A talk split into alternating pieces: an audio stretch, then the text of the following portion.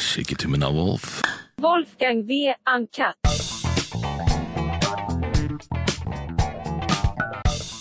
Er det, er det noen av disse mediestormene du har vært i som på en måte du husker ekstra godt? Som, som sitter litt i ryggmargen, på en måte? Eller noen sånne tøffe runder? Ja, så det har jo vært flere runder for eksempel, rundt uh, en klient jeg har hatt som heter Batti, som har vært mye omtalt. Uh, og hvor bare politiet blåser på han, så blir det gjerne store avisoppslag. Mm. og hvor hver gang så får man da en gjengivelse av tidligere har han vært arrestert for, tidligere har han gjort sånn og sånn. eh, så glemmer man at han rent faktisk tidligere så er han faktisk frifunnet for disse tingene. Mm. og så blir han en form for en negativ figur per definisjon. Eh, og sånne ting er jo ganske farlige, og, hvor media da eh, går i den fella. og tenker at eh, Publikum liker han ikke, så vi kan ganske negativt om han liksom, bruker det som en tilnærming. Ja, at de, at de skriver eh, Eller hviska i øret av politiet, mener du? At liksom dette her er en tidligere voldsdømt eller tidligere ransdømt? Altså, at Ja, noen, noen har jo navn den typen, at fordi at media har skrevet sammen så mange ganger, så eh, er det sin selvoppfyllende profeti. Mm. De skriver at eh, en person er tiltalt for terror, og så skriver de med veldig små bokstaver etterpå at han ble frifunnet for terror. Og Neste gang Ja. de skriver om det, så er han da den tidligere terrortiltalte. Fordi at de kan jo ikke skrive tidligere terrordømte, for det er han frifunnet for. Det har litt å gjøre med hvordan eh, media velger å presentere en person. Ja, Det tenker du er litt uredelig? da? Der, Jeg tenker det er veldig uredelig, men Ja. tilsvarende er det da det er en person eh, som du er nødt til å stå ekstra opp for. Eh, For å sørge for at eh, rettighetene blir ivaretatt, og at du ikke blir hengt ut måte du ikke skal henges ut. Men Er det liksom noe PFU burde fulgt bedre med på? da? Altså Bruke den type liksom, uredelig Ja, men Det er ikke de flinke nok til. De godtar det altfor mye, alt jeg på si. eh, På samme måte som media generelt gjør. Er det, er det en evig story at pressen og politiet er litt mer på lag enn pressen og Ja, Det så du vel eh, aller best i eh, Bergen på 90-tallet, hvor, hvor det var eh, symbiose mellom eh, politi og, Mm. og lokalmedier, som det var skrevet mye om i ettertid. Eh, Og det er mye sånn andre steder også. Du det er veldig mye utveksling av eh, informasjon eh, begge veier. For de som ikke kjenner til det, eller kunne du fortalt veldig kort om akkurat det? Den, det du nevnte der? Ja, Det var jo flere saker hvor f.eks. en sak som jeg var nå borti som ble kalt eh, Greven-saken, altså hvor en person i Bergen ble tiltalt for å et drap og for å ha tent på en del kirker. Eh, og hvor eh, bakgrunnen for at det i hele tatt tatt ut tiltale for eh, kirkebrannene, eh, det var at han hadde vært i et anonymt intervju med to journalister i Bergens Tidende. eh, og som da var helt anonymt, av sin med vilje.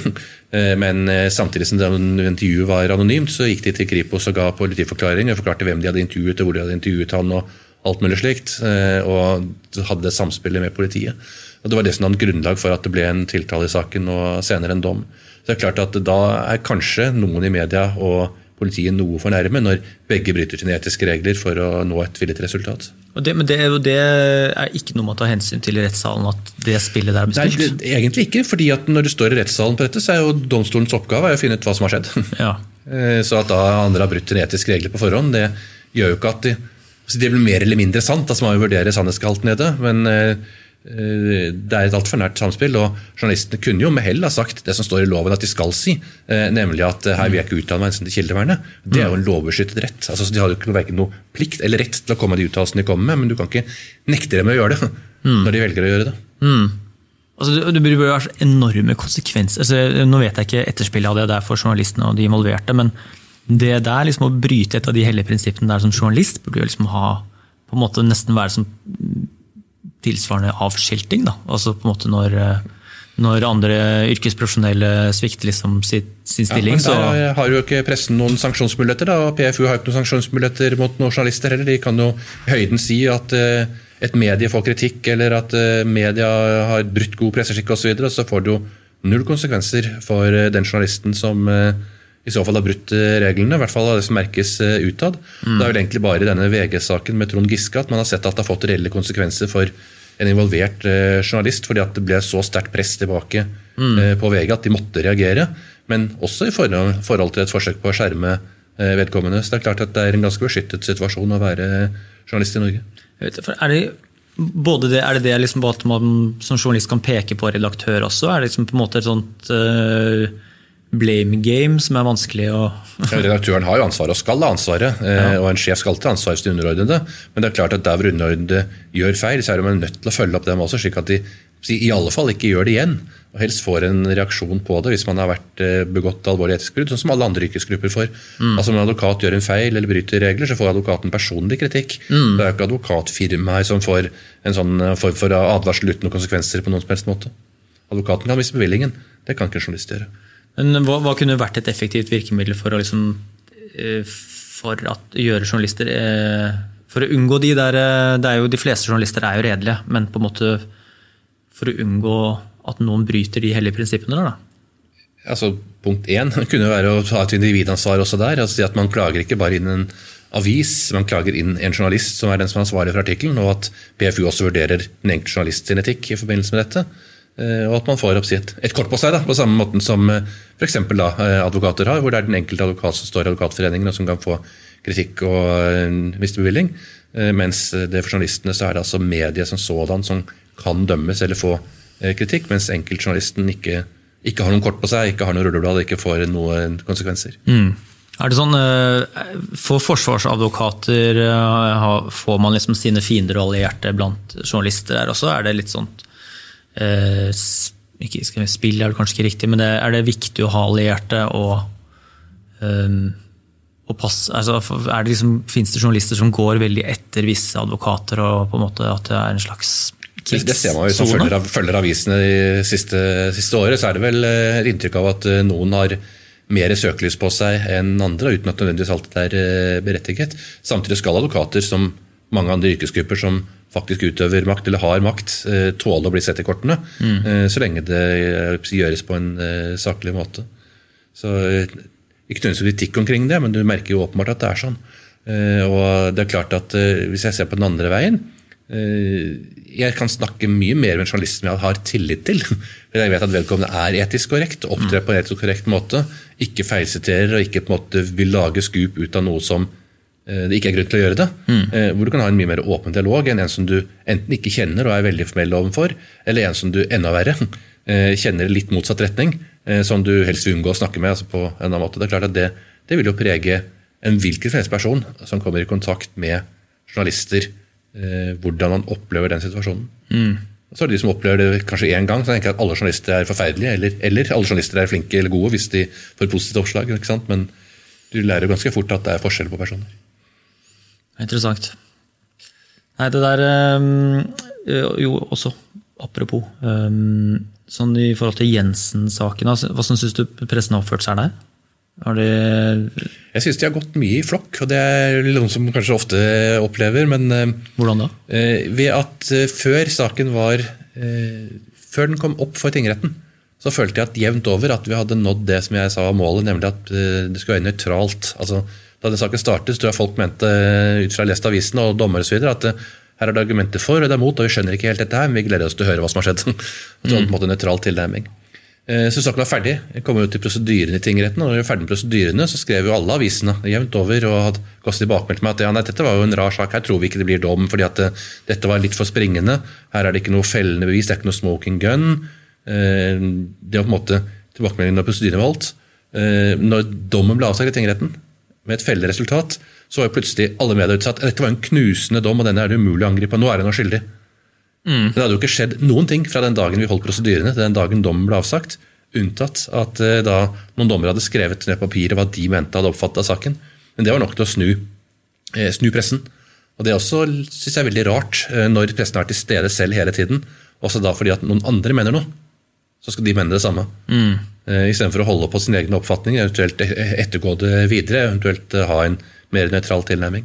Så da vi startet opp i lagmannsretten, så følte jeg det motsatte. Da følte jeg jo at der satt alle med den oppfatningen om at eh, her var den tiltalte skyldig, men greier vi å bevise at det er tvil eller at han er uskyldig gjennom hovedforhandlingen, eller blir det stående på en skylddel, fordi at det hadde alle mediene skrevet om. Mediene skrev at det var en vanskelig sak, utfordrende forsvar osv., som jo var en føring om at eh, her skulle det jo en dom til. Så vi mer- jeg merket veldig de store trekkene i den saken. Hva handler den der helomvendingen der om, da? Altså, gjør det mer lesende? Kanskje en autoritet, autoritetstro på, til en viss grad. Noen har sagt noe. Vi eh, stiller ikke kritiske spørsmål til domstolene i Norge. Vi liksom godtar at de kommer til en konklusjon. Det kan være bra i et samfunnsperspektiv at noen treffer en endelig avgjørelse på vegne av alle, men det kunne også være bra hvis man fortsatt var kritisk til det som en ganske viktig og sentral statsmakt. Og Det syns jeg pressen i mye større grad bør eh, være. Altså ikke godta at det foreligger en dom, og da er saken endelig avgjort. Eh, men vel så viktig er det at man er åpen hele veien og gir i straffesaker Eh, følger det som menneskerettighetene sier, nemlig at man er uskyldig til det motsatte er endelig bevist ved dom. Mm. Og Hvis presten bare har den i bakhodet sånn, det, er, det, er, ikke noe som heter det er noe som heter forhåndsdømming. Det er ikke noe som heter forhåndsfrifinning. Mm. og det er ikke helt tilfeldig, fordi at eh, en person skal ikke, skal ikke behøve å forhåndsfrifinnes fordi at vedkommende er uskyldig mm. inntil det foreligger en dom. Så det er altså kun forhåndsdømming som på en måte ikke er, ikke er lov. Mm. Det er ikke noe forhåndsprosedyre å si at en person er uskyldig. Det skal alle si, også politiet. Mm. Ja, det der med forhåndsdømming er jo Det er jo um, eller på en måte, Det er jo også veldig sånn der, eh, det samsvarer ofte på en måte med folkedommen. på en måte. Og sånn. Jeg bare sånn liten eim av den Tom Hagen-saken. og sånt også. Det er, jo, det, er ingen, det er jo ingen tone i noe av på en måte det jeg føler pressen Folk må jo bare si det de mener, men pressen, nei, folk mener jo gjerne det pressen gir dem. Men det er jo, det, det er jo helt åpenbart at liksom det, er, det, er, veldig vinkla på, på, hva som har skjedd i Tom Hagen-saken. på en måte. Han, han, bare følge Twitter det, på den dagen Tom Hagen ble pågrepet. Da kom jo alle besserwisserne opp og sa hva, hva, sa jeg-varianten. ikke sant? Og så ble det mm, ja, ja. litt stille igjen to dager etter da han ble løslatt. Ja. Heldigvis. For der syns du det er litt samme på en måte flokkproblemet der? Med at liksom alle, alle mediene fremstiller på samme måte? Ja, i hvert fall når de løper litt etter hverandre for å samtidig som de skal selge aviser. Altså, det er ikke populært nok, tydeligvis, i media eh, å forhåndsettergå en straffesak med kritiske øyne. Mm. Eh, du merker liksom at de er opptatt av å skulle selge et budskap som gjør at vi sørger for å sikre lov og orden omtrent og få noen dømt. Og Det er liksom litt medias rolle. Eh, I nettopp Tom Hagen-saken så har jo noen aviser, kanskje særlig Dagbladet, noen anledninger, forsøkt å ha noen kritiske artikler ikke sant? og så, på en måte stille spørsmål ved eh, det narrativet politiet prøver å selge inn. Eh, mens andre aviser går mer i retning av at de gjengir at nå mener politiet, og nå sier politiet at bevisene er styrket, og nå mener politiet at sånn og sånn. og liksom Lager oppslagene sine rundt den tilnærmingen. Og da merker du at de har en forskjell da, i hvilket budskap avisene prøver å selge. I hvert fall så blir det opplevd sånn av leserne. Så hvis avisene ikke gjør det bevisst, så må det iallfall gå i seg selv. Er det et lite volumproblem oppi det her òg, i og med at den moderne pressen nå er, selger veldig mange flere saker på den samme tingen i løpet av flere, over flere dager, mens før hadde man papiravisa, hvor man gjorde én større kanskje sak, eller mange, mange, saker over flere sider. Men på en måte nå eh, er det på en måte en eh, konstant skvising av appelsin hvor mange nettsaker, og det gjelder på en måte nesten alt, spesielt sport. da, på en måte, Hvor mange ting kan du skvise ut av appelsinen? Hvor mange på en måte nettsaker? Det her jo, er det, er det, så basic at det handler om på en måte trafikk og, og klikk? Mye er det, og det gjør også at nyhetene også forsvinner mye raskere. Så det spørs om mer av tenkt på tjente jeg med det. Mm, eh, ved at eh, du har et hovedoppslag, og det ligger fra åtte til ni, og så er det nederst på siden. Eh, jeg tror folk får med seg mye mindre av det som avisene faktisk skriver om nå, enn man gjorde før når du hadde en døgnvurdering av hva er viktig dette siste døgnet som har vært. Mm. Eh, og greie å formidle et budskap ved hjelp av det. Så, sånn er den moderne verden, og så får du masse avarter av det samme innlegget. Tristeste er jo at tekst-TV nå avvikles. Jeg mener jo, jeg er helt enig med pappa. Ja. Eh, tekst-TV er jo de beste nyhetene som har eksistert. Det er i hvert fall en telegramstil hvor du får plukket ut akkurat det som skal kunne være viktig, på en presumptivt nøytral måte.